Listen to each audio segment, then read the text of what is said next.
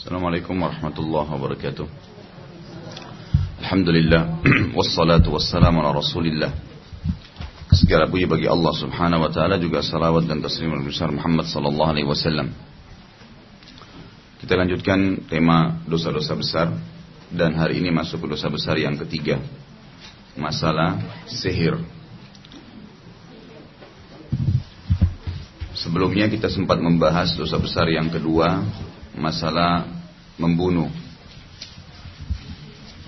Sihir didefinisikan oleh para ulama adalah apa pun yang digunakan oleh seseorang baik dari kalimat niat di dalam hati atau benda-benda baik itu pakaian, tulang, besi, rambut yang diniatkan untuk meminta tolong kepada setan. Jadi sihir itu apa pun yang digunakan oleh seseorang dari kalimat atau kata-kata atau niat di dalam hati dia atau ya, apa pun yang diambil dari benda-benda baik itu rambut ya, pakaian kemudian tadi besi-besi, tulang hewan, apa saja yang diniatkan untuk meminta tolong kepada setan. Banyak sekali contoh dalam masalah sihir. Dari mana kalimat datangnya misal yang terkenal dalam sulap dan sihir itu adalah sim salabim. Itu kalimat yang dipilih oleh orang awalnya diniatkan untuk menyihir, untuk menyulap. Maka jadilah kalimat itu dan kata-kata itu senjata oleh setan untuk ditunggangi. Jadi apa saja yang Bapak Ibu sebutin diniatin untuk sihir jadi sihir, gitu ya. Bisa menjadi sihir. Dari kalimat apa saja, dari kalimat apa saja. Ya. Makanya kita temukan banyak sekali penyihir itu menggunakan kalimat-kalimat yang berbeda Kalimatnya berbeda, mungkin penyihir di Indonesia kalimatnya beda, mungkin di negara Arab berbeda, ya mungkin di Eropa berbeda. Intinya kalimat apa saja yang digunakan sama dia dengan niat dia menyihir maka akan ditunggangi oleh setan.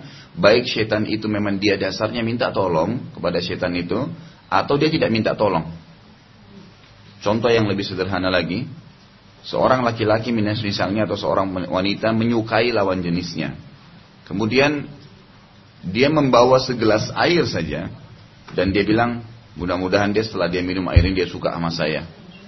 Misal contoh, maka itu sudah cukup untuk bisa ditunggangi oleh setan yang ada di sekitar kita untuk menjadi alat sihir. Nanti benar-benar ada kecenderungan dari orang itu. Tapi pengaruhnya tidak besar. Pengaruhnya itu hanya simpatik, hanya kadang-kadang pengen melihat ya. Jadi tidak ada pengaruh yang besar, tetapi tetap menjadi senjata sihir karena ditunggangi oleh setan itu. Itu definisi sihir. Ada ragam sihir yang digunakan oleh orang-orang.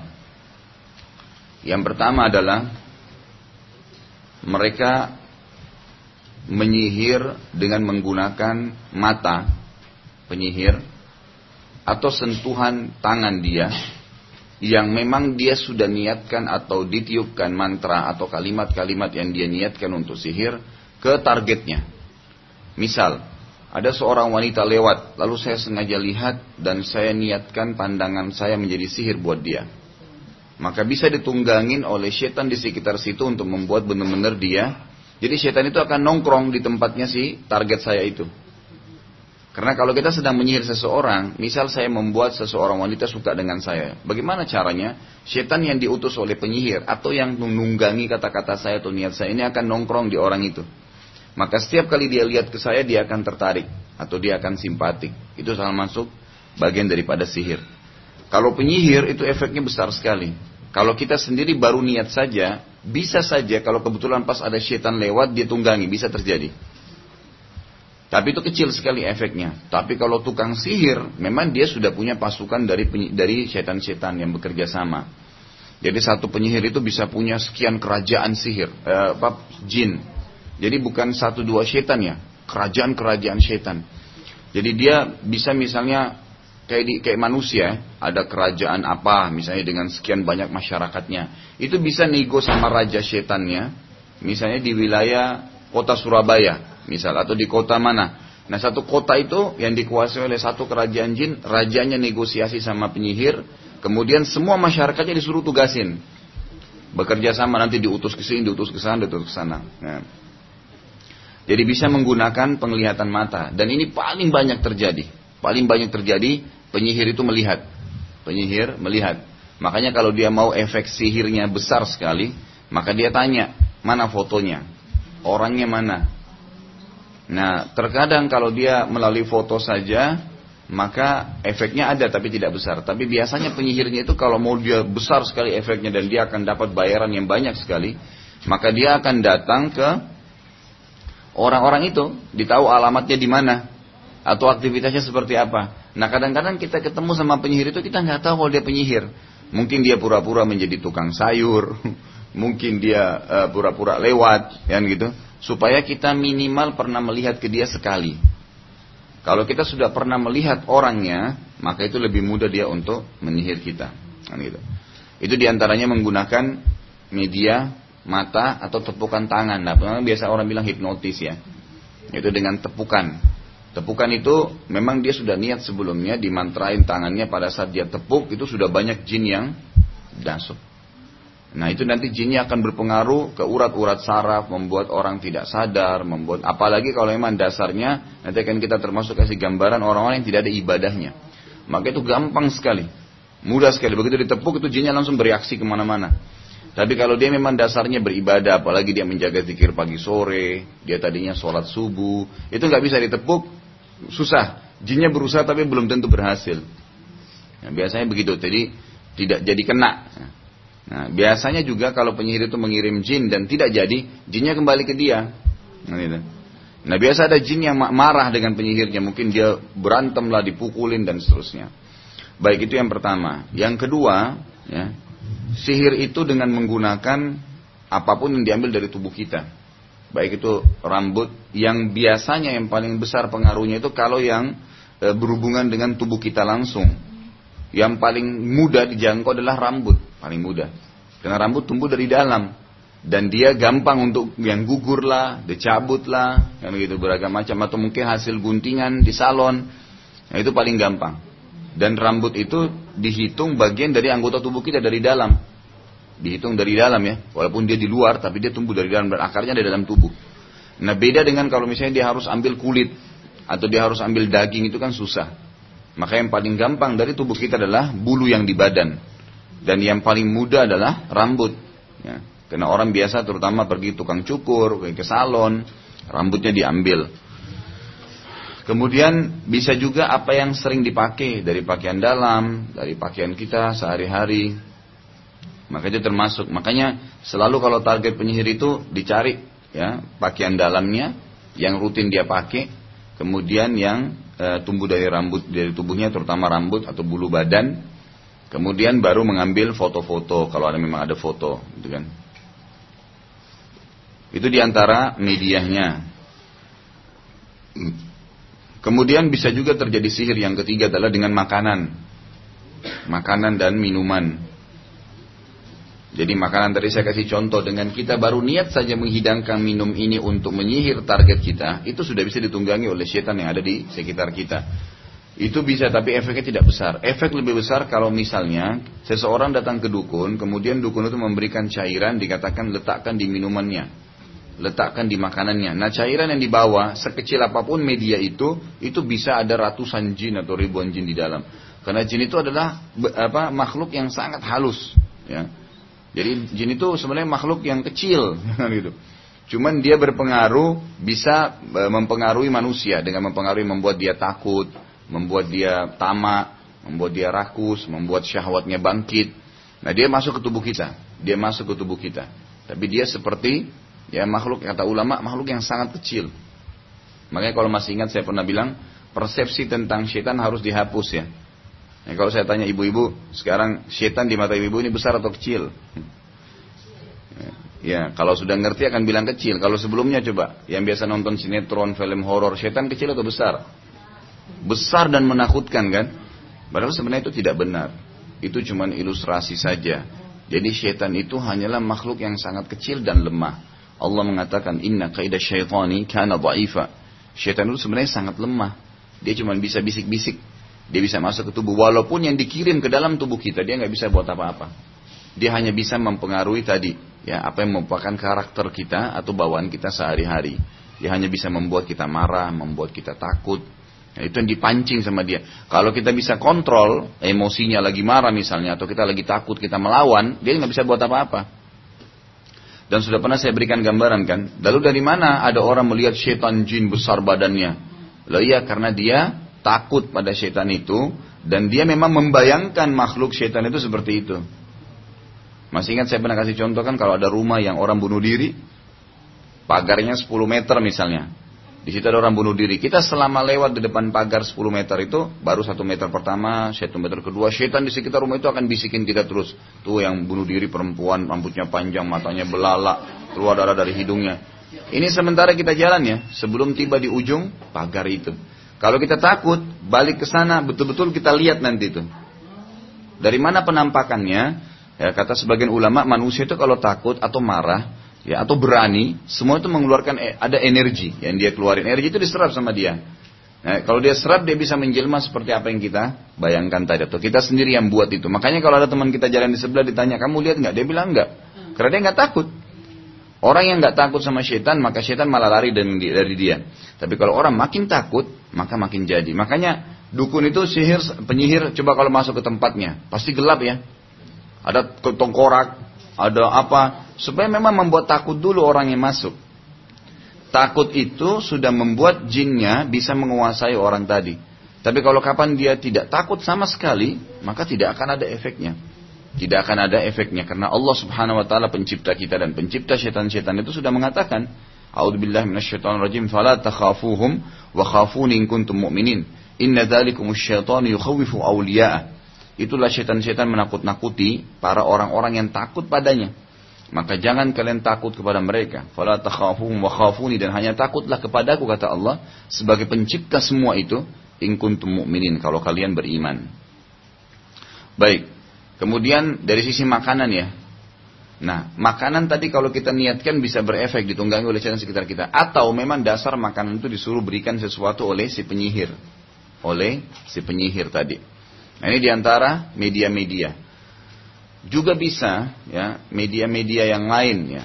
Seperti misalnya kalau penyihir itu memang sempat masuk ke dalam rumah. Nah dia bisa memantah-mantrai banyak. Dimantrain misalnya dinding rumah, e, ranjang tempat tidur kita, gitu kan. Kemudian e, piring-piring yang dipakai, macam-macam. Biasanya ada kalau penyihir itu bisa masuk ya, bisa masuk ke dalam rumah. Ya seperti saya kasih contoh itu hari, misal uh, ini jangan jangan menilai negatif supir-supirnya ibu-ibu dan bapak sekalian, tapi saya kasih contoh. Kalau ada supir, memang dia niatnya mau menyihir. Nah, dan dia pernah belajar menjadi seorang penyihir, gitu kan? Nah, pada saat dia masuk ke rumah kita, kalau dia jadikan target, biasanya dia kejar tuannya yang perempuan kalau supirnya. Biasanya begitu. Maka apa yang dia lakukan? Dia datang menahan menanam buhul-buhul. Nah, dia di rumah, di rumah nanti bisa misalnya Apalagi kan biasa kita karena sudah berbaur jadi percaya. Kunci rumah dia pegang, ya kan, mobil dia sudah tahu kita sering pakai baju apa dan sering kali terjadi mereka berhubungan dengan pembantu. Nah, pembantu ini jadilah pacar dia dan seterusnya yang sering terjadi maksiat kepada Allah, kemudian dia mengam target dia bukan pembantu, target dia tuan rumahnya. Nah, paling sedikit efeknya adalah akan ada royal, royalitas. Jadi kita merasa kesian, sayang dengan dia, kemudian kita akan royal. Nah, royal itu kita akan berikan macam-macam, ya. Makanya yang saya pernah ceritakan, kalau masih ingat ada sepupu saya begitu disihir. Jadi dia disihir oleh supirnya sendiri sampai 10-13 tahun. Jadi supir itu dari dia masih gadis sampai dia sudah punya anak dua sekarang dan umurnya sudah 40 tahun. Masih dikejar sama supirnya. Gitu loh. Jadi dia jadikan target Iya, memang supirnya suka sama dia. Nah, teruslah terjadi. Dia jadi dia sihir. Ternyata dia selama ini kalau uh, sepupu saya itu lagi keluar rame-rame sekeluarga ke mana ke Bandung atau ke puncak inap dua hari tiga hari dia dikasih kunci rumah. Nanti dia yang bersihin rumah, dia yang urus. Jadi dia berleluasa menanam buhul-buhul. dia nanam macam-macam gitu. Uh, banyak medianya tadi ya, bisa besi-besi, bisa apalah rambut orang mati lah, bisa tulang hewan, bisa macam-macam ya yang dia lakukan.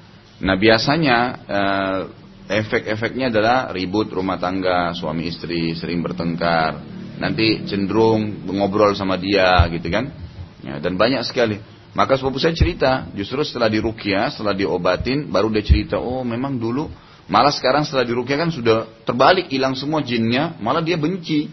Kebalik, jadi dia benci sekali gitu. Terbalik, karena selama ini memang, dia bilang selama dulu saya 10 tahun itu, memang setiap ke Carrefour atau belanja, pasti ditemani sama supirnya. Dipanggil, suruh temanin jalan sama-sama. Jadi kesannya kayak orang suami istri gitu. Tapi si tuannya nggak tahu.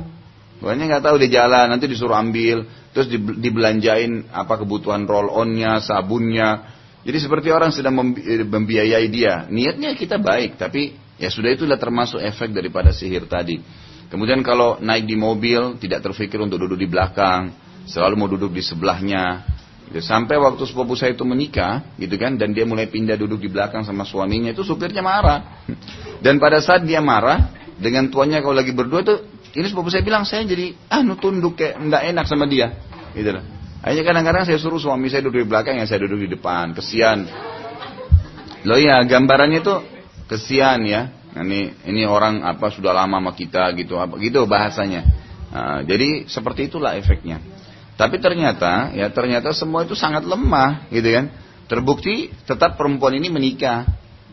Dan memang akhirnya baru sekarang sudah diurukai itu baru diungkapin semua bagaimana efek-efek daripada e, dulu ya masa-masa dulu dan diberhentikan dari tempat kerja akhirnya dia e, sempat sakit hati dari masalah itu di, di bergerakkanlah semua buhul yang selama ini jadi target dia di atap rumah lah di lantai di halaman rumah macam-macam ya. nah itu di antaranya baik cukup banyak ya media sihir ini kemudian uh, jadi itu makanan. Kita pindah sekarang ke penyihirnya. Nah penyihir juga ini ada tingkatan-tingkatan. Itu tadi media sihir ya.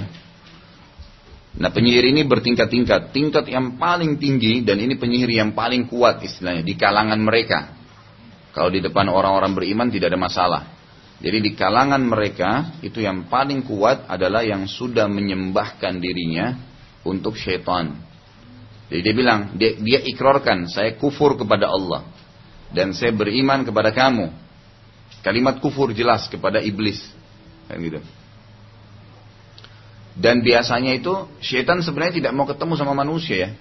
Tapi manusia ngejar. Misal mereka sengaja ke kuburan. Mereka sengaja ke gunung. Mereka sengaja ke tempat-tempat yang sunyi. Terus manggil-manggil syaitan. Memang mereka manggil-manggil. Makanya pernah ada satu penyihir, itu dari di Riyadh ya, ketangkap ini dianggap oleh penyihir di Saudi itu penyihir paling kuat. Susah, nggak mungkin bisa ditangkap. Tapi kerajaan Saudi itu udah buat tim dari kalangan ulama untuk mengejar para penyihir ini. Nah waktu ketangkap, penyihirnya itu sampai bingung. Dia ketangkap selama ini dia sudah taruh banyak sekali jin-jin, jutaan jin untuk dibentengin dia. Jadi kadang-kadang jin itu uh, bisa nutupin ya. Seperti kasus orang kalau uh, apa uh, pawang hujan Nah itu kan dia akan kalau ada mau buat acara kemudian tidak mau hujan di sekitar rumah kita. Tapi dia cuma bisa rumah kita ya. Kenapa? Karena jinjinnya pada bersatu semua nutupin rumah kita nggak kena hujan. Di belakang ditaruhlah macam-macam pohon-pohon, apalah baca-baca mantra-mantra gitu kan. Sampai pernah waktu saya bahas itu di Trans TV, didatangkan pawang hujannya dulu. Ditanyain, apa yang anda lakukan? Diterangin sama dia gitu. Nanti terakhir baru saya closing. Nah awalnya itu dilihatin bagaimana dia ke belakang rumah, Kemudian pakai baca salawat, pakai bacaan-bacaan Al-Quran. Tapi itu tidak digunakan untuk media dia. Di setelah itu ada bacaan mantra-mantra dalam bahasa Jawa, dalam bahasa ini. Ditancapkanlah beberapa lilin, apa segala syarat-syaratnya. Kemudian pada saat acara berjalan memang tidak kena hujan sekitar rumah itu saja. Memang karena jinjinnya tadi bergabung. Orang yang pakai ilmu kebal. Pada saat ditusuk, memang jinnya yang nahan. Karena media pisau kita nggak mempan untuk jin, gitu kan? Nggak mempan. Justru lebih tajam bagi iblis jari kita yang dibacain Bismillah, niatin jadi pedang buat alam jin. Itu pada saat kita tusuk dia sakit. Makanya salah satu nanti trik-trik rukia itu adalah kita bilang misalnya, ini ya kalau orang lagi kena jin ini, kena hasutan bilang, ini tangan saya pedang ya, yang akan motong kamu. Lalu kita bacain ayat rukyah ditiup. Di mata jinnya itu pedang benar. pedang benar. Makanya ada orang-orang di rukyah itu sempat di, diiris-irisin di lehernya, uh jinnya pada mati. Ya, tapi jinnya berlapis-lapis ya. Mati. Itu dia lihat betul-betul di alam dia seperti itu. Air yang kita gunakan yang pernah saya ajarkan media meruki air, kemudian disemprot-semprotin, itu sudah seperti panah-panah api yang kena ke mereka. Dan jin itu bisa mati dengan semudah mungkin dari cara yang kadang-kadang apa kita sebagai manusia kita tidak masuk di akal kita. Nah media itu kan tidak mempan, maka orang kebal itu kalau ditusuk pisau yang yang tidak sebenarnya dia tidak kena. Tapi kapan kita baca Bismillah Allahu Akbar misalnya niat untuk membatalkan ilmunya, jinnya pergi. Itu ditusuk mati, kena dia. Makanya biasanya orang-orang begitu tuh sebelum dia praktekin kemahirannya iris-iris badannya, ya, tidak mempan, disemprot api, injak bara api, itu pasti biasanya dia ucapin apa? Awalnya, tolong yang punya ilmu jangan ganggu ya. biasanya dia ucapin begitu. Yang dia maksud yang punya ilmu itu adalah orang-orang yang beribadah. Karena bagi mereka dianggap orang yang berilmu itu adalah orang yang ibadah. Jadi dengan bacain ayat kursi saja sudah cukup membatalin semua ilmu kekebalan dia. Jinnya semuanya lari. Gitu kan? Nah itu waktu ketangkap penyihir itu di Riyadh. Waktu ditangkap dia tanya syekhnya. Saya lihat sendiri cuplikannya gitu kan. Jadi dia ngobrol. Kenapa bisa ketangkap? Penyihirnya di disoting. Datang penyihirnya waktu ketangkap. Didatangin sama tim Hisbah namanya.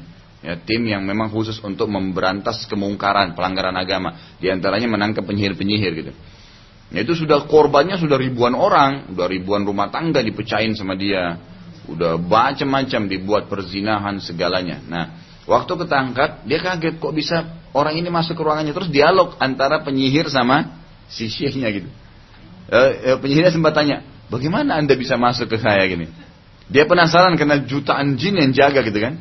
Saya cuma bilang, karena saya waktu keluar baca Bismillah, tawakkaltu Allah. Kamu tahu siapa itu Allah? Penyihirnya diam. Itulah yang menciptakan kamu dan jutaan miliaran jinmu. Dan saya sudah bertawakal kepada dia, saya telah menyerahkan urusan saya kepada dia. Bahkan ada riwayat yang mengatakan kan siapa yang keluar rumah membaca Bismillah, amantu billah, tawakkaltu Allah. Ditambah dengan amantu billah, tawakkaltu Allah, la haula wa la quwata illa billah. Maka setiap dia ketemu setan, Syaitan itu akan berkata pada temannya, orang ini nggak bisa kita ganggu, sudah dijaga. Gitu. Jadi nggak bisa syaitan ganggu dia, hanya dengan Bismillah amantu billah, tawakkaltu Allah, la haula wa la quwata illa billah. Orang kalau makan baca Bismillah dan minum baca Bismillah dengan tangan kanan, itu udah cukup, udah nggak bisa syaitan buat apa-apa. Tapi kalau dia minum dan makan tangan kiri misalnya, atau dia lupa baca Bismillah, maka kesempatan diambil oleh syaitan berhubungan biologis dengan membaca dengan membaca doanya. Kata Nabi SAW siapa yang membaca Bismillah Allahumma jannibna minasyaitan wa jannib syaitani ma razaqtana pada saat mau berhubungan biologis maka syaitan tidak bisa ikut partisipasi. Kalau dia tidak baca malah syaitan ada. Nah di antara wasawi syaitan biasanya kita dibuat menghayal orang lain. Pada saat lagi berhubungan biologis suami istri yang kita bayangkan orang lain itu semua dari syaitan. Sehingga betul-betul kita seperti orang yang sedang berzina sebenarnya, gitu kan? Jadi kita sedang berhubungan sama suami kita atau istri kita, tapi malah yang kita bayangkan orang lain yang tidak ada hubungannya sama sekali. Nah itu. Nah itu di antaranya. Jadi doa-doa ini sudah cukup untuk membendung mereka itu. Baik penyihir yang paling kuat tadi adalah penyihir yang tadi seperti itu. Nah sempat dipraktekin begini. Waktu penyihir itu dibilang baca tadi, terus ditanya oleh syekhnya, bagaimana kau praktekin cara sihirmu? Jadi dia, jadi ini ini anu ya, upaya mereka sendiri yang akhirnya memanggil setan itu datang. Jadi di antaranya adalah penyihir itu bilang dia pakai baju merah semua dari dia sendiri. Dia pakai baju merah, kemudian dia pakai cambuk kuda, dipraktekin. Lalu dia duduk di satu ruangan, kemudian dipukulin dirinya sambil dia tundukkan dahinya ke tanah seperti orang sujud, manggil-manggil setan. Ayo setan tolong saya, saya mau begini, saya mau taklukan ini, saya mau taklukan. Jadi setan-setan ini akhirnya datang gara-gara itu. Jadi bukan spontanitas setan datang ke kita tidak. Karena kalau penyihir ya, dia memang ada begitu. Nanti setan-setan itu karena dia takut lah, karena dia apalah, ada bisikan-bisikan, maka dia akhirnya bisa sampai melihat penampakan, bisa sampai ini. Biasa ada yang sampai menikah dengan jin itu. Sebenarnya bukan menikah ya, mereka berzina lah. Dengan cara seperti itu. Tapi e, nanti supaya manusia itu mau, maka dia bisa menjelma seperti manusia, gitu kan. Tapi itu cuma batas waktu yang sedikit, mereka tidak bisa berubah manusia dengan lama. Ya, itu sangat batas waktu sedikit dan itu hanya waktu-waktu tertentu saja di saat memang mereka eh, apa eh, menggunakan cara tertentu atau dipenuhi syarat tertentu maka mereka bisa berubah gitu kan mereka bisa berubah dan cukup banyak kasus berhubungan dengan masalah ini ya, cukup banyak kasus berubah atau terjadi seperti ini ada beberapa kasus orang yang sedang dirukia itu dia uh, tidak tahu kalau selama ini ternyata yang mendekati dia adalah jin menjelma menjadi manusia karena jin itu suka dengan dia gitu. Memang dia dasarnya ibadahnya sangat kurang, maka akhirnya jinnya datang seperti umumnya orang pacaran berzina gitu kan. Itu juga pernah terjadi di antaranya banyak kasusnya. Baik akhirnya penyihir itu mempraktikkan caranya dan cukup banyak penyihir yang seperti ini. Mereka menggunakan beragam macam cara untuk memanggil setan. Makanya nanti hari kiamat Allah akan berkata kepada menyuruh malaikat berkata kepada para jin-jin ini, dikatakan Allah syaitan karena takfartum minal ins. Ya. Kalian terlalu banyak mengganggu manusia. Maka mereka mengatakan, jin-jin ini mengatakan bahwa saya manusia yang memanggil kami. Manusia yang memanggil kami gitu kan. Orang tidak mau. Diceritakan juga dalam riwayat bahwasanya sebab turunnya surah jin ayat 1 sampai ayat 17 itu karena orang-orang Arab dulu memiliki tradisi mereka itu kalau uh, apa namanya dalam satu perjalanan, lagi perjalanan ke mana gitu ya. Kemudian mereka membawa uh, apa mereka singgah di sebuah lembah, mereka singgah di sebuah lembah. Nah tanpa sebab tanpa apa, biasanya pimpinan mereka misal seorang suami berangkat satu keluarga, mau niatnya misalnya dari uh, apa Jeddah misalnya atau dari negara Jazirah Arab keluar ke Jazirah Arab Wirana. Nah, setiap tiba malam mereka nginap di satu lembah, kalau bukan di perkampungan yang tempat sunyi, mereka sendirian datang membawa bekal-bekal makanan mereka, gitu kan. Kemudian mendatangi tengah-tengah lembah, lalu mereka bilang, wahai penjaga lembah, jangan ganggu kami. Nah, itu sebab turunnya ayat ya. Allah melarang itu, nggak ada hubungannya. Lembah itu miliknya Allah. Seluruh langit dan bumi ini miliknya Allah. Dapat pamit dengan mereka. Maka jin-jin yang ada di sekitar lembah itu menjadi sombong dan makin mengganggu mereka, makin mengganggu mereka. Jadi akhirnya makin kacau gitu, terganggu semua. Baik itu tingkat penyihir yang tertinggi, mereka kufur kepada Allah Subhanahu wa taala, ya mereka sengaja kufur dan mengabdikan diri. Yang kedua, dia tidak mengikrarkan kekufuran kepada iblis dan setan, tapi dia mengikuti syarat. Misal uh, dia komunikasi sama setannya, kemudian setannya bilang boleh, tapi setiap malam Jumat kamu sembeli ayam hitam uh, untuk saya, gitu kan? Tumpahin darah, itu sudah syirik ya, itu juga sudah kufur sebenarnya. Tapi bukan seperti yang tingkat pertama karena yang pertama ini memang dia memang dia kufur kepada Allah. Yang tadi yang kedua ini dia tidak sadar kalau dia kufur. Makanya banyak orang seperti ini pakai kopiah haji, gitu kan? Mereka dipanggil kiai banyak menggunakan tenaga-tenaga alasan memelihara jin muslim. Nggak ada bagaimana caranya memelihara jin. Nggak boleh dalam Islam interaksi sama jin dengan alasan apa pun. Baik pernikahan, persahabatan, tidak boleh sama sekali. Walaupun jin muslim. Walaupun jin muslim, tidak boleh. Kalau bisa, maka Nabi SAW sudah ajak mereka jadi sahabat. Malah sebaliknya, beliau mengatakan dalam sebuah hadis, waktu selesai sholat dalam hadis Bukhari, tadi waktu sholat saya menangkap syaitan yang mengganggu sholat saya. Kalau saya bukan mengingat perkataan saudara saya Sulaiman yang berkata, kan Nabi Sulaiman berdoa begini, Ya Allah, berikanlah aku kerajaan yang tidak layak untuk orang sebelumku dan sesudahku. Maka aku akan ikat setan itu di pohon di Madinah agar dimain, dipermainkan oleh anak-anak Madinah. Tapi Nabi tidak lakukan kan? Nabi bisa lakukan, tapi Nabi tidak lakukan. Karena memang Nabi sudah menunjukkan kepada kita tidak bolehnya interaksi dengan mereka. Bahkan kalau mereka ada di sekitar kita disuruh usir kan? Wa imma yanzagannaka minasyaitani nazgun fasta'id billah. Allah mengatakan kalau ada sedikit gangguan setan membuat kau ingin berbuat maksiat misalnya, maka fasta'id billah. Mintalah kepada Allah agar dijauhkan dari mereka. Mendekat aja nggak boleh apalagi interaksi, apalagi memelihara. Karena memberikan makan mereka, mengurus mereka itu berarti ada ya kerjasama. Dan ini tidak boleh. Dilarang dalam Islam, dilarang dalam Islam gitu. Penyihir yang paling banyak 99% perempuan. Iya. Makanya yang dikenal apa? Nenek. Pernah nggak ada kakek sihir? Kenapa nenek sihir? Karena perempuan yang paling banyak bu. Dan makanya dikatakan juga dalam dalam Al-Quran wa min syarri naffathati apa itu naffathat? Dan jauhkanlah kami dari tiupan nenek-nenek sihir. Bukan kakek ya. Nah, jadi memang perempuan yang paling banyak. Dan subhanallah ada teman saya juga yang ter, sudah terbiasa merukyah itu coba mengelilingi lokasi sekitar Bekasi saja. Dia bilang rata-rata itu dukun-dukun yang mahirnya itu nenek-nenek semua. Muridnya ada laki-laki, ada. Tapi nanti kembali lagi ke induknya si perempuan ini. Si nenek sihir ini. Itu paling mayoritas. Makanya yang paling mudah kena sihir wanita. Perempuan yang paling mudah kena. Karena kebanyakan memang dari perempuan juga, yang mereka lebih mengerti bagaimana masuk ke kejiwaan perempuan itu. Terlebih lagi kalau perempuan itu selalu membawa perasaan, tidak memakai iman dan akal sehatnya.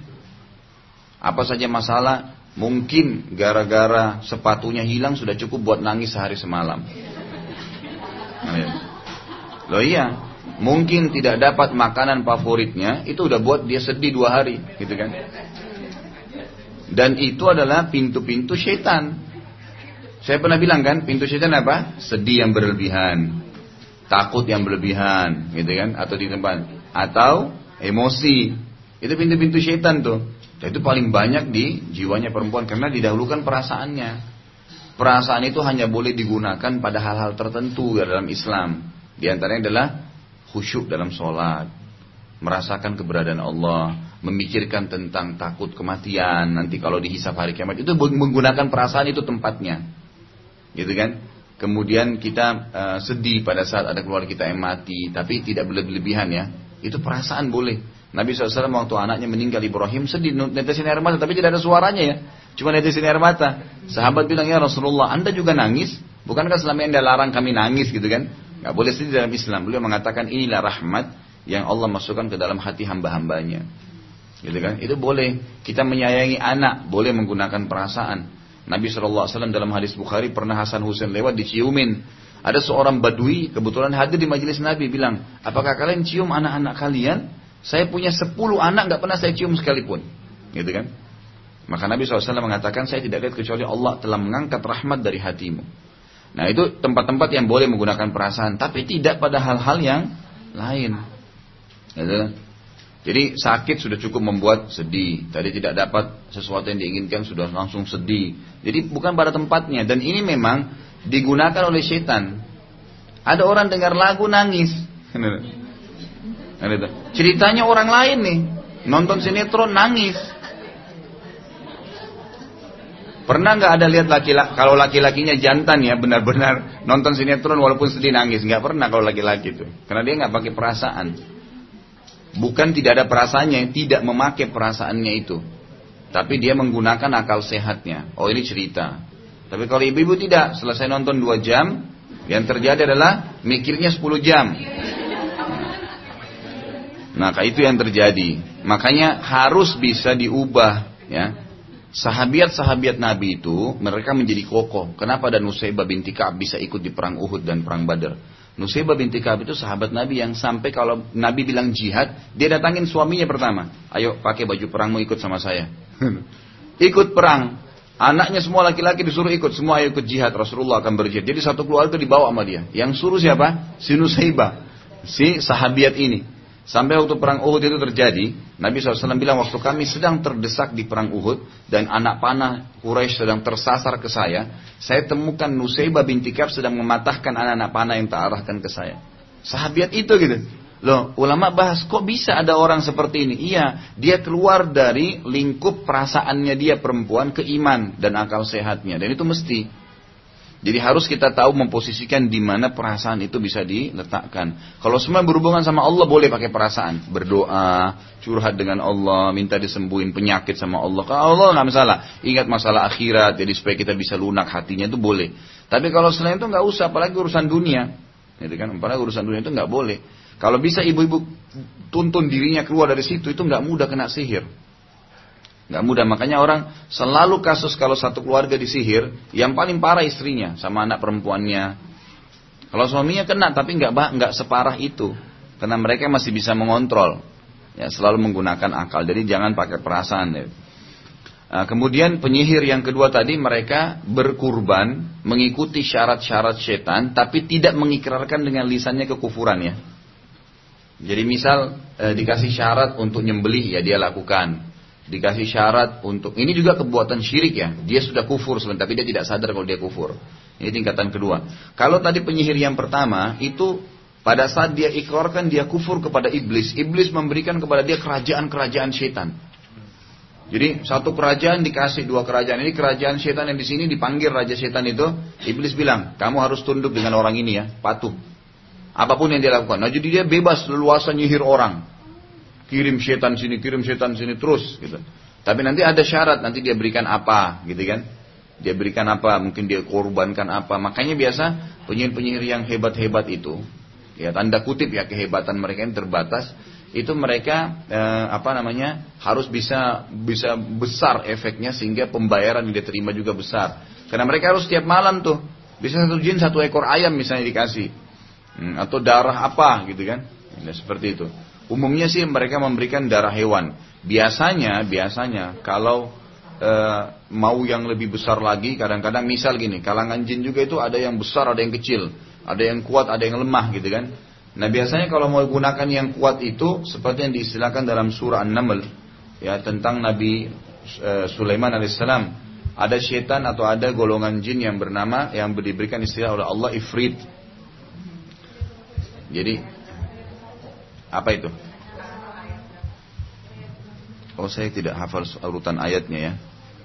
Bentar. Itu dalam surah An-Naml. Kalau tidak salah di pertengahan surah ya itu.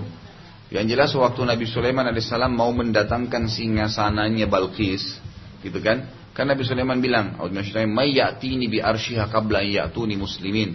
Siapa yang bisa mendatangkan singgasananya Balqis untuk saya, ya, sebelum mereka datang menyerahkan diri kepada saya. Maka Allah mengatakan, "Qala ifritum minal jin." Berkatalah kalangan ifrit dari jin.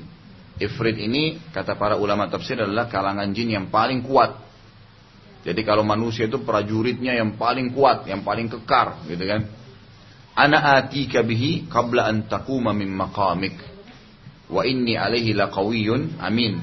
Saya bisa datangkan untuk Anda wahai Nabi Sulaiman singgasananya Balkis sebelum Anda berdiri dari kursi Anda. Baik. Sampai mana tadi ini? Oh, kalau yang seru dihafal ya.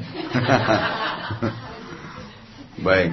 Jadi ifrit dari di kalangan di kalangan yang hadir di kerajaan Nabi Sulaiman karena Nabi Sulaiman ini diberikan kekuatan bisa menguasai jin, hewan-hewan dan manusia, gitu kan? Maka Ifrit berkata, saya datangkan untuk anda wahai Nabi Allah sehingga sananya Balkis sebelum anda berdiri dari kursi anda. Duduk berdiri sudah ada, gitu kan? Cepatnya gitu kan? Dan saya sangat kuat bisa membawa itu dan saya amin. Amin itu saya jujur. Saya tidak akan mengambil. Nah kata ulama tafsir singgasananya Balkis itu penuh dengan permata-permata. Dia tidak akan ambil apa pun di situ. Saya akan datangkan seperti itu. Tapi Nabi Sulaiman mau, saya mau lebih cepat. Nanti Nabi Sulaiman tidak cukup dengan berdiri langsung ada. Mau lebih cepat. Maka kata Allah SWT, Qala ladhi indahu ilmu minal kitab, ana atika bihi qabla an yartadda ilaika tarafuk. Saya bisa datangkan untuk anda. Nah, kata ulama tafsir, ini dari kalangan manusia. Dan nanti di sini ulama memberikan gambaran di sinilah manusia sebenarnya lebih sempurna daripada jin. Kalau mereka dekat dengan Allah, Allah berikan kekuatan jauh lebih luar biasa daripada jin. Dan tidak boleh manusia menganggap jin itu hebat dan luar biasa. Itu biasa bagi mereka. Karena kita khalifah. Kita yang memimpin mereka. Kalau jin itu bisa seperti yang dibayangkan oleh manusia. Kuat, besar, kita semua jadi budaknya. Nggak akan ada manusia yang bisa tenang makan, bisa tenang minum. Ternyata dengan baca bismillah aja mereka sudah nggak bisa curi makanan kita. Dengan masuk rumah baca assalamualaikum saja sudah tidak bisa mereka masuk ke rumah itu. Kan begitu hadis Bukhari kan. Kata Nabi SAW siapa yang masuk rumahnya membaca, membaca saja assalamualaikum. Baik ada orang tidak ada orang. Setan di sekitar rumahnya berkata kepada teman-temannya. Tidak ada tempat nginap untuk kalian malam ini. Dia bisa masuk rumah. Assalamualaikum saja. Nah sekarang berapa banyak kita lakukan salam. Telepon aja kadang-kadang saya temukan banyak bapak ibu itu langsung halo ya saya butuh ini. Gak ada assalamualaikumnya. Gitu kan. Assalamualaikum itu luar biasa gitu. Lalu kalau dia makan dengan membaca bismillah, syaitan berkata lagi pada temannya. Syaitan yang ada di sekitar rumahnya ya, begitu hadisnya. Berkata pada teman-temannya, tidak ada makan malam untuk kalian malam ini. Itu hal-hal yang sederhana. Jadi mereka sangat lemah sebenarnya. Hanya dengan hal-hal gitu sudah nggak bisa gitu kan. Baik. Orang ini dari keluarga Nabi Sulaiman alaihissalam ada beberapa ulama mengatakan dari sepupu Nabi Sulaiman ahli kitab ya betul-betul menghafal kitab Zaburnya Nabi Daud dan dia luar biasa ibadahnya kepada Allah. Dia mengatakan, wahai Nabi Allah, saya bisa datangkan singa sananya Balkis sebelum matamu berkedip. Kalau tadi jin kan sebelum berdiri, masih ada proses. Ini enggak, belum kedip sudah ada. Jadi akhirnya datang gitu. Kalau tafsir Ibnu Katsir menyebutkan ada beberapa nama-nama nama-nama Allah yang digunakan sama dia, ya seperti Al Halimul Azim, ada beberapa nama-nama Allah yang digunakan itu sehingga nama-nama ini digunakan untuk memindahkan singa sana Balkis seketika. Ya, tapi di zaman Nabi Sulaiman alaihissalam. Dan ini tidak bisa kita tarik ke sekarang ya. Karena kita melihat kehidupan Nabi Muhammad SAW tidak ada yang seperti itu. Berarti itu hanya sebatas di zaman Nabi Sulaiman alaihissalam. Jadi tidak bisa kita lakukan misalnya ada orang melihat di tafsir Ibnu Katsir lihat orang itu pernah membaca ini ini lalu dia niat baca untuk menarik singa sana siapa atau mindahin rumahnya orang siapa itu nggak bakal bisa nggak bakal bisa gitu Ya, itu karena memang hanya terjadi sebagai mukjizat untuk Nabi Sulaiman alaihissalam, gitu kan. Cuman dituliskan ini yang dipakai baca. Baik, itu yang e, golongan penyihir ya. Ada yang kedua yang menyumbangkan, menyumbangkan. Nah, kalau yang kedua ini juga ada di antara pasukan-pasukannya tapi tidak banyak, tapi tidak banyak. Baik. Kemudian orang-orang tadi, ada juga orang, tadi kan yang pertama jenis-jenis sihirnya. Yang kedua, dua macam penyihir. Sekarang orang-orang yang datang ke penyihir. Bapak Ibu datang ke penyihir. Bagaimana keadaannya orang-orang seperti ini? Siapa pun yang pernah ke dukun, ya, siapa pun yang pernah ke dukun, dipastikan dia ada setannya. Pastikan ada jinnya. Karena begitu kita datang ke penyihir, maka pada saat itu penyihir itu sudah taruh ya di depan rumahnya, di pagarnya jauh sebelumnya orang kalau datang itu udah jinnya udah pada ngerumunin orang ini. Makanya biasa kalau kita masuk ke penyihir, begitu duduk penyihirnya pasti sudah bisa nebak. Oh kamu namanya ini ya, kamu tinggal di sini ya, kamu. Dari mana informasinya? Dari jin yang masuk ke orang-orang orang yang mau datang. Karena dia sudah niat mau datang, ya. Dia sudah datang. Maka bisa ditahu tuh apa yang di benak dia, informasi di otaknya bisa diambil sama setan. Oh ini oh, ayahnya namanya ini, ibunya namanya ini, dia tinggal di sini, anaknya ini, dia punya yang paling penting itu adalah yang sedang berkecamuk di benak dia. Misal dia lagi masalah sama suaminya, dia lagi masalah sama istrinya. Begitu dia masuk, syaitannya sudah melapor ke dukunnya. Ini orang punya masalah di rumah tangganya, nama suaminya si Fulan, nama istrinya si Fulana. Sudah begitu masuk, jinnya bilang apa? Tukangnya bilang, kamu lagi ada masalah sama suami kamu yang bernama Fulan ya. Nah dia tanpa percaya kan. Nah tambahan kita terhadap percaya apa kepercayaan kita kepada si penyihir makin menguatkan reaksi sihirnya. Kalau kita tidak yakin, maka tidak bisa susah. Lihat kan bagaimana penyihir-penyihir yang modern sekarang yang saya bilang itu. Ya, Tommy Raphael dan grupnya, gitu kan. Saya selalu sarankan di pengajian saya jangan dinonton. Nggak boleh ditonton itu. Karena itu menggunakan itu kita sedang nonton penyihir, cuma penyihirnya sudah dibuat yang sekarang ganteng-ganteng gitu kan. Kalau dulu kan rambutnya gondrong, pegang tongkat, pakai kepala tengkorak. Kalau sekarang udah enggak. Sendok aja dibengkok-bengkokin gitu kan. Nah, itu semua itu penyihir, bahaya sekali gitu. Bahaya sekali. Dan itu efeknya besar gitu kan. Coba pernah lihat nggak orang-orang yang belajar seperti dia, yang bisa nidurin orang gitu kan? Biasanya dia uh, kalau orang-orang yang baru belajar itu dia bilang, oh kamu nggak bisa, oh kamu bisa. Pernah lihat nggak? Kenapa ada orang yang dia bilang ini nggak bisa? Karena jinnya memberitahukan ini orang nggak bisa ini. Ini akidahnya anu. Orang-orang yang lemah, oh ini bisa ditepuk langsung tidur, langsung tidur, langsung tidur. Orang yang tidur itu memang memang berdasarnya mungkin sholat tidak, Emang nggak ada pengetahuan agamanya, ibadahnya sama Allah nggak ada. Artinya dia murtad dari Islam pun tidak ada masalah. Tidak ada, bedanya status Islam itu hanya karena lahir. Gitu. Nah ada orang yang seperti itu. Dia orang tuanya nggak ada sama sekali pendidikan agama di rumah nggak pernah ada ayat Quran, nggak pernah tutup aurat, nggak per, nggak pernah ada apa-apa. Maka itu langsung berefek.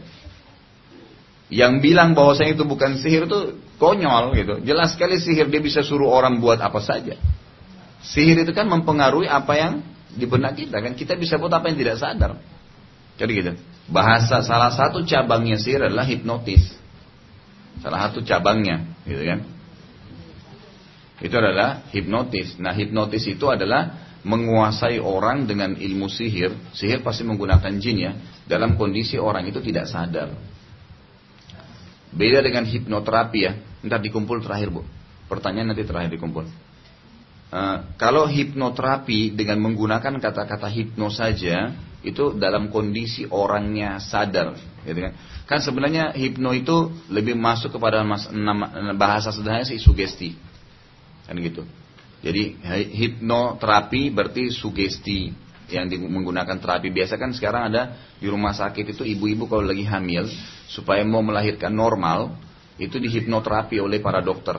Jadi ibu-ibu disuruh pakai baju bersalin walaupun dia belum bersalin ya.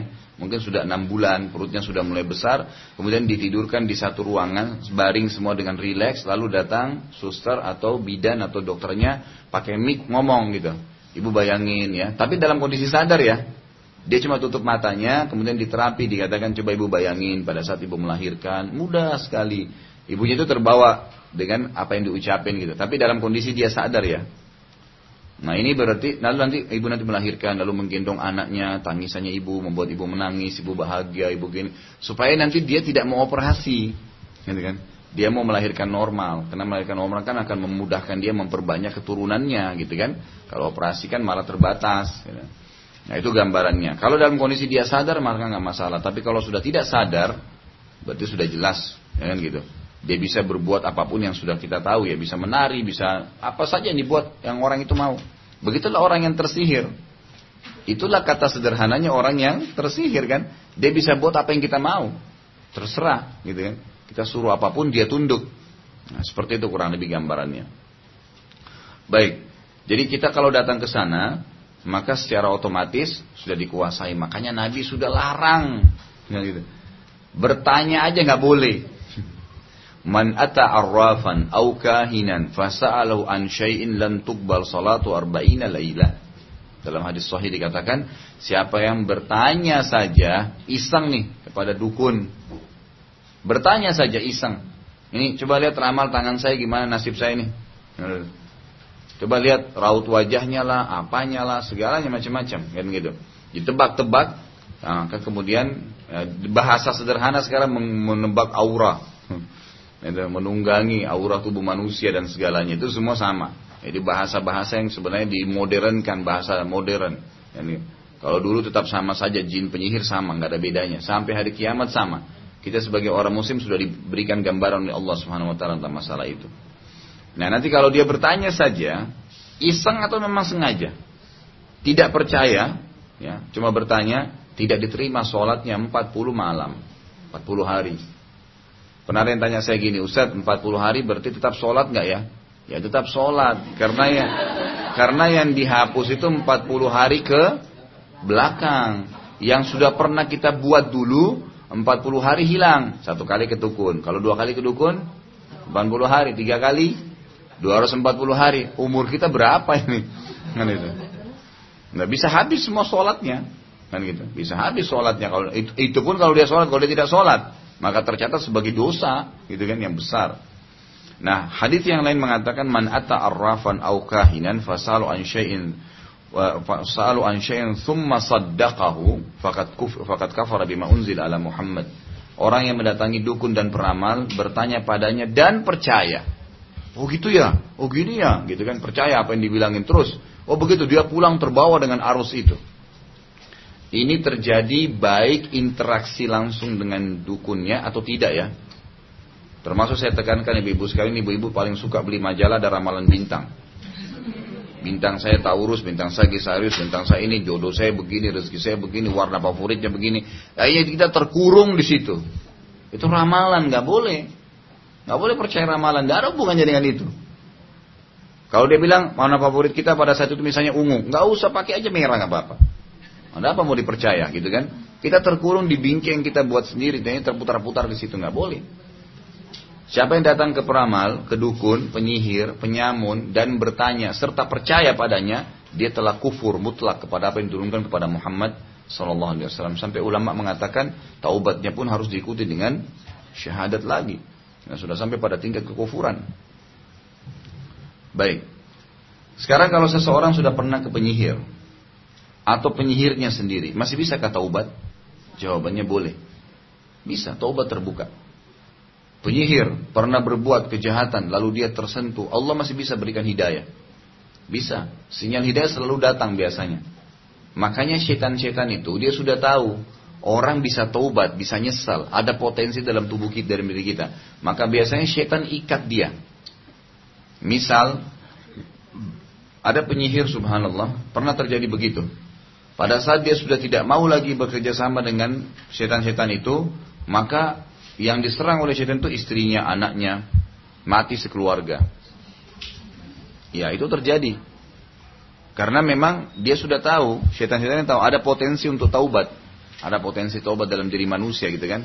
Tapi kalau dia taubat, maka insya Allah bisa. Berapa banyak sekarang ada di antara yang sudah menjadi ikhwah, yang bahkan ada yang menjadi dai ya. Dulunya itu penyihir. Maka dia bongkar semua itu kedok-kedoknya tuh. Dia liatin tuh contoh-contohnya dan di wisal tuh diangkat kan. Di acara wisal kita tuh ada beberapa uh, yang memang dulu mantan penyihir itu mereka akhirnya taubat dan belajar agama, mereka baru paham akhirnya mereka ungkapkan tuh seperti apa perilaku-perilaku penyihir, bagaimana mereka mempengaruhi orang-orang yang datang kepadanya dan seterusnya. Baik, penyihir dan orang yang pernah ke sana dua-duanya boleh bertaubat kan gitu. Allah SWT terima. Di sini kita baca ya. Imam Az-Zahabi berkata, dosa besar yang ketiga adalah sihir. Sihir termasuk dosa besar. Karena eh, karena seorang tukang sihir pasti kufur kepada Allah. Pasti kufur kepada Allah. Allah SWT berfirman, jadi orang yang datang ke sana dosa besar. Penyihirnya kafir. Sudah jelas kufur, perbuatannya kufur kan? Allah SWT mengingatkan dalam surah Al-Baqarah 102 A'udzubillahi minasyaitonir rajim walakinna syayatina kafar yu'allimuna an-nasa sihar tapi setan-setan itu lain kafir. Mereka mengajarkan sihir kepada manusia. Yang pegang bukunya bisa lihat footnote-nya di bawah ya. Jadi lengkapnya ayat itu di bawah di footnote. A'udzubillahi minasyaitonir rajim واتبعوا ما تتلو الشياطين على ملك سليمان وما كفر سليمان ولكن الشياطين كفروا يعلمون الناس السحر وما أنزل على الملكين ببابل هاروت وماروت وما يعلمان من أحد حتى يقولا إنما نحن فتنة فلا تكفر فيتعلمون منهما ما يفرقون به بين المرء وزوجه وما هم بضارين به من أحد إلا بإذن الله ويتعلمون ما يضرهم ولا ينفعهم ولقد علموا لمن اشتراه ما له في الآخرة akhirati min khalaq wala bi'sa ma syaru bihi anfusahum law kanu ya'lamun. Terjemahannya itu dan mereka mengikuti apa yang dibaca oleh setan-setan pada kerajaan Sulaiman. Ini yang saya bilang tadi, kalimat-kalimat itu, ya. Apa saja bahasanya. Dan termasuk ya, termasuk yang berbahaya sekali karena bisa saja huruf-huruf Al-Qur'an itu digunakan sebagai media sihir. Kapan ditambah? Sehuruf, dikurangi sehuruf, memasukkan nama orang, memasukkan bahasa, ya, bahasa daerah, ya, bahasa kita. Misal dibaca ayat, tengah-tengahnya diputus, dimasukkan nama orang. Nah, itu sudah bisa menjadi media sihir. Karena bertambah sehuruf, berkurang sehuruf sudah bukan lagi ayat Al-Quran. Makanya kita temukan Eh, dukun-dukun itu kalau jin-jinnya jin-jinnya dia jin-jin muslim maka mereka menggunakan kalimat-kalimat bahasa Arab. Kan gitu. Huruf-huruf bahasa Arab. Tapi ini semua kekufuran ya. Karena jin pun ada yang kufur. Jin itu kufur dengan perbuatan-perbuatannya. Dan mereka mengikuti apa yang dibaca oleh setan-setan pada masa kerajaan Sulaiman. Dan mereka mengatakan bahwa dan mereka mengatakan bahwasanya Sulaiman itu mengerjakan sihir. Maksudnya setan-setan yang tidak senang dengan Nabi Sulaiman alaihissalam. Padahal Sulaiman tidak kafir, hanya setan-setan itulah yang kafir mengerjakan sihir. Artinya perbuatan Nabi Sulaiman bisa memerintahkan jin, bisa tahu informasi tentang apa pun, itu karena mukjizat, bukan sihir. Beda dengan penyihir-penyihir. Mereka mengajarkan sihir kepada manusia dan sesuatu yang diturunkan kepada dua orang malaikat di negeri Babil, yaitu Harut dan Marut. Ada dua malaikat bernama Harut dan Marut. Keduanya ini dalam banyak riwayat mengatakan, Ya Allah berikanlah kami hawa nafsu sebagaimana engkau memberikan kepada manusia. Lalu Allah mengatakan, kalian tidak akan mampu hidup. Dari malaikat tidak ada hawa nafsunya ya. Malaikat itu betul-betul disuruh sujud, sujud sampai Allah matikan. Itu dia tidak bergerak, tasbih ya bertasbih, beda dengan manusia. Manusia memang punya hawa nafsu bisa dia ikutin, tidak ikutin itu kembali ke diri dia gitu. Maka keduanya ini pada saat diberikan hawa nafsu ternyata mereka betul, mereka tetap minta kepada Allah, Allah kasih. Tapi dengan syarat kalau mereka tidak bisa kontrol maka mereka akan dihukum oleh Allah Subhanahu wa taala.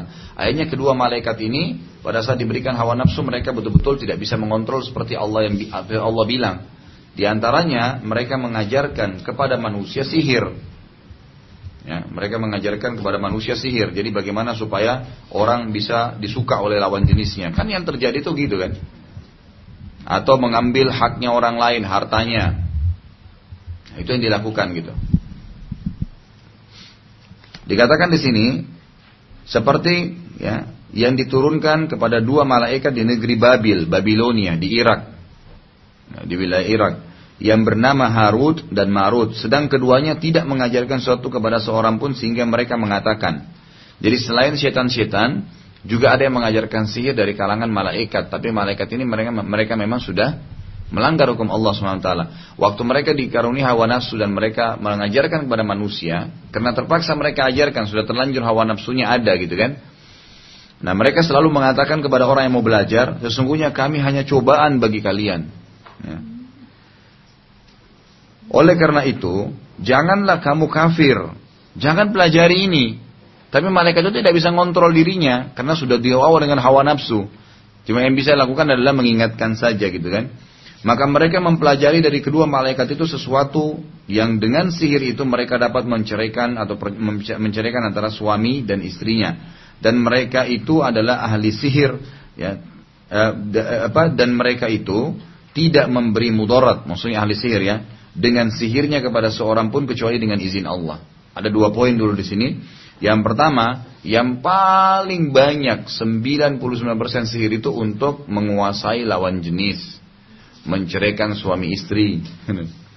itu paling banyak sudah. 99% semua di situ berputar. Suka dengan lawan jenis. Padahal dalam Islam kita disuruh normal saja. Suka ya sampaikan. Ditolak ya selesai. Dan masih banyak hamba Allah yang lain. Kenapa harus berputar menggunakan setan lagi gitu kan? Nah orang pun kalau berumah tangga dengan hasil sihir pasti berantakan. Pasti berantakan karena dia harus terus memperbarui sihirnya. Ya, terus ada setan-setan di situ. Dan dengan menggunakan setan dari setan menguasai makanannya, rumahnya, hubungan biologi sama pasangannya, dia semua kacau. Semua kacau. Jadi setan-setan ini tidak baik kan. Menceraikan antara suami dan istrinya itu paling banyak yang terjadi. Jadi biasa juga, ya, jadi orang kalau sudah berumah tangga itu, paling banyak godaannya adalah dari orang yang ketiga. Makanya dianjurkan semua yang sudah berumah tangga, ibu-ibu tidak boleh interaksi sama laki-laki. Walaupun ibu bilang sahabat saya, kalau keluarga, orang ketemu, assalamualaikum baik apa kabar, tangga boleh. Tapi kalau jadi sahabat di BBM, tempat curhat masalah semua suaminya sampaikan kepada laki-laki itu. Itu jadi senjata setan. Ya kan? Semua jadi setan. Setan buat seakan-akan dia lembut. Saya tanya bu, kalau misal kita balik laki-laki sedang masalah sama istrinya, kemudian dia tidak punya iman, dia ke mana kira-kira? Misal dia ke bar, duduk, datang perempuan tidak benar. Perempuan itu akan bilang apa kira-kira? Masalahnya apa? Diceritain masalahnya yang sedang dihadapin ya. Oh istri saya misalnya nggak mau diajak tidur. Perempuan itu akan ditunggangi oleh setan, akan memenuhi kebutuhan itu kebutuhan tadi tidur biologis yang tidak dipenuhi oleh istrinya. Padahal perempuan ini punya ribuan keburukan dibandingkan istrinya. Istrinya cuma masalah itu saja satu. Makanya pada saat dia melangkah pun berhubungan atau sampai berumah tangga pun sama perempuan tidak benar itu, maka nanti akan tetap dia nyesal, akan kacau. Karena satu kebutuhan yang tadi tidak tertutupin itu dipenuhi sama orang ini, tapi ribuan kebutuhan yang lain tidak.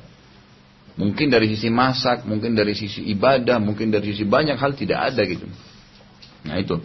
Jadi sekarang tidak, jadi kita memang harus menutup dah. Pintu-pintu yang ketiga ini pada saat kita buka, ya, curhat dengan lawan jenis, kecuali kalau mahramnya ya. Mertua kita, orang tua, saudara kita, nggak masalah. Atau sesama perempuan, ya tidak jarang pun atau sama sama jenis, tidak jarang pun sama jenis kita itu biasa menunggangi lagi ditunggangi oleh setan untuk menghubungkan kita dengan orang lain. Bahkan pernah saya temukan ada seorang ibu bilang, ya Ustadz saya uh, sempat berhubungan dengan laki-laki gitu kan, tapi tidak berbuat dosa. Kalau tidak berbuat dosa seperti apa ya? Cuman SMS atau BBM-an nyampaikan kalau ada masalah gitu kan. Nah, terus apa targetnya sebenarnya Bu? Targetnya apa? Kalau ibu misalnya ada masalah sama suami, yang masalah kan sama suami. Kenapa nggak ngobrol sama suami masalahnya apa? Grogotin masalah itu, perbaikin. Udah selesai kok urusannya gitu kan. Bisa diselesaikan. Ini enggak, kita pakai orang ketiga. Maka akhirnya ibu ini banyak menggunakan idenya si laki-laki tadi menghadapi suaminya. Nggak bakal bisa ketemu gitu kan. Kamu harus begini, kamu begini aja, cuekin aja, kamu begini, kamu macam-macam. Diajarin yang tidak-tidak, gitu kan. Lalu ternyata ibu ini, karena sudah sering, kalau dia ada masalah, mungkin suaminya lagi sibuk kerja nih, orang ini lowongin waktu buat dia. Kan. Hanya untuk balas SMS-nya. Dinilai itu sudah sangat pengorbanan yang luar biasa. Karena balas SMS dan BBM. Subhanallah. Padahal suaminya sudah naungin dia 10 tahun di rumah. Udah kasih makan, udah kasih minum, udah kasih mobil. Dilupain semua. Baju-baju bagus yang dibeliin semua dilupain. Orang ini hanya balas SMS-nya atau mungkin cuma terima teleponnya satu jam dianggap itu sudah prestasi. Salah itu. Kan gitu. Itu yang terjadi. Nah, akhirnya perempuan itu sempat bilang, ya kalau terjadi apa-apa dengan suami saya, saya cerai, saya sudah punya cadangan. Loh iya. Itu bahasa langsung. Kalau orang bu berumah tangga sudah niat cerai dari awal, pasti cerai nanti. Pasti cerai ujungnya. Karena dia bukan niat mau berumah tangga. Niatnya coba-coba, nanti kalau gagal maka nikah lagi dengan orang lain itu salah. Pemahaman yang salah, nggak boleh ada begitu. Emang saya kalau memilih orang yang jadi pasangan, ya suka dukanya bersama. Karena semua orang punya kekurangan dan kelebihan, gitu kan? Makanya Nabi SAW berkata kepada para sahabat, saya melihat paling banyak ahli neraka dari kalian. Perempuannya heran gitu. Para sahabat mengatakan, kenapa kami ya Rasulullah? Ada apa dengan kami gitu? Kenapa harus perempuan? Kata Nabi SAW yang paling banyak dibahas itu kata Nabi paling banyak karena kalian kufur asyirah. Kufur asyirah itu artinya memungkiri kebaikan suami. Gitu kan? Maka itu yang paling banyak membuat masuk ke dalam api neraka. Sekarang saya tanya ibu-ibu sekalian, suami itu siapa? Orang lain loh ya. Nggak pernah hidup sama kita sebelumnya. Bukan paman, bukan ayah, bukan ini. Begitu selesai nikah, ibu disiapin tempat tinggal, ibu dilindungin sama dia, ibu disayangin sama dia, ibu dikasih makan, dikasih minum. Ingat tidak saya pernah kasih contoh ilustrasi. Lagi hujan lebat nih. Ibu mampir di rumahnya orang. Terus orang yang eh, lewat depan rumahnya orang. Orang itu bilang, Bu daripada kehujanan masuk sini di teras saja. Belum masuk ke terasnya. Hanya nunggu hujan selesai ya. Baik selesai hujan, ibu pamit pergi. Kira-kira setiap ibu lewat depan rumah itu bilang apa? Baik nggak orang itu? Cuma dinaungi hujan satu jam ya. Baik ya. Baik. Kalau dikasih pisang goreng, dikasih teh, baik nggak? Sekali aja seumur hidup. Baik ya. Tidak pernah kita sebut. Bagaimana suami yang sudah lima tahun, 10 tahun, kasih rumah nggak kena hujan, nggak kena panas, ya, ada AC, ada mobil, kan gitu macam-macam. Tapi kita lupain tuh, padahal 24 jam kita dinaungin sama dia gitu kan. Makanya bahayanya itu ya. Nah kebanyakan pecahnya rumah tangga karena adanya Orang-orang yang begini, gitu kan, membuka pintu-pintu salah, pintu-pintu yang keliru, ya, ini nggak benar. Lalu dikatakan di sini, lanjutan ayatnya tadi menceraikan suami istri. Jadi ingat ya, target sihir itu di situ. Target sihir di situ. Maka jangan buka pintunya. Jangan buka pintunya. Dan mereka itu ahli sihir tidak bisa memberikan mudarat dengan sihirnya kepada siapa pun kecuali dengan izin Allah. Maksudnya apa? Apakah Allah memberikan orang menyihir orang lain? Bukan. Maksudnya adalah sunnatullah. Gini, Allah kan sudah menciptakan apa pun, termasuk racun ya. Ini termasuk racun kan ciptaan Allah. Sekarang sudah menjadi sunnatullah kalau ibu makan racun, minum racun mati nggak? Mati. Bangkai ayam misalnya halal ya. Tapi kalau sudah jadi bangkai, udah haram. Karena kita disuruh makan halalan Tayyibah. Halal yang Allah beri dan tayyibah itu berkualitas. Kalau sudah rusak nggak boleh. Tapi ada orang iseng sengaja makan bangkai, sakit, mati. Sunnatullah kan? Karena dia melanggar. Sampah kotor. Ada orang sengaja pegang sampah nggak cuci tangan lalu makan, sakit nggak? Itu namanya sunnatullah. Artinya ada Allah ciptakan baik dan buruk. Allah sudah ciptakan sihir. Allah ciptain. Allah ciptain setan-setan. Tapi Allah larang untuk mengikuti mereka. nggak boleh. Yang mengikuti kena sunnatullah. Kan gitu. Paham ya? Kena sunnatullah artinya yang gunakan sihir ya kena hukum-hukum itu. Sama tadi orang racun nggak boleh minum. Pada saat dia minum dia sakit, dia mati. Allah yang ciptain racun tapi dilarang.